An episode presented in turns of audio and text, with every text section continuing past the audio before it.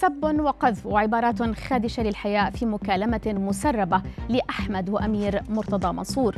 حارس مانشستر يونايتد ينفي تورطه بأي تهم مشينة. وهل حانت نهاية ملياردير تشيلسي؟ هذه الأخبار وغيرها تتابعونها على العربية بودكاست. نبدأ أخبارنا من مصر وتحديدا مع المكالمة الهاتفية المسربة والمنسوبة لأحمد وأمير مرتضى منصور. السوشيال ميديا تداولت هذه المكالمة التي تحدثت عن خطة الثنائي في انتخابات رئاسة النادي التي أقيمت الأسبوع الماضي، وهنا انقسمت الآراء ما بين متيقن من صحة التسجيل واستهجان لبعض الألفاظ الخادشة للحياء نحو بعض الشخصيات من بينهم أيمن يونس نجم الزمالك الذي هدد اليوم باللجوء إلى القضاء فيما رأى المعسكر الآخر أن التسجيل مفبرك بحجة أن أحمد وأمير يسكنان في منزل واحد وهو أمر لا يستوجب وجود اتصال. حتى اللحظة لم يتم البت في حقيقة هذه المكالمة المسربة ولم يصدر أيضا أي تعليق من جانب أحمد وأمير مرتضى منصور أو حتى من إدارة نادي الزمالك.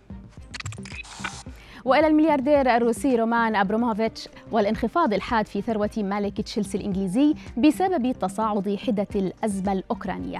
الأنباء المنشورة تؤكد انخفاض ثروة ابن الخامسة والخمسين عاما بنسبة تصل ل 29% تقريبا. هذا التوتر السياسي يشكل خسارة كبيرة لمالك البلوز بمعدل يصل في اليوم الواحد لنحو 800 مليون دولار من ثروة تقدر بحسب مجلة فوربس الأمريكية بأكثر من 14 عشرة مليار دولار.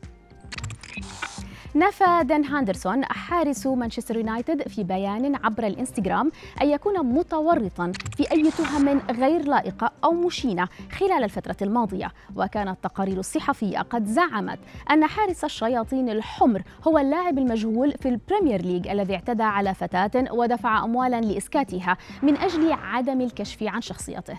هندرسون شدد في بيانه أن هذه الشائعات تؤثر سلبا على عائلته لارتباطها بأخبار وصفها بغير اللائقة والمؤذية والكاذبة تماما.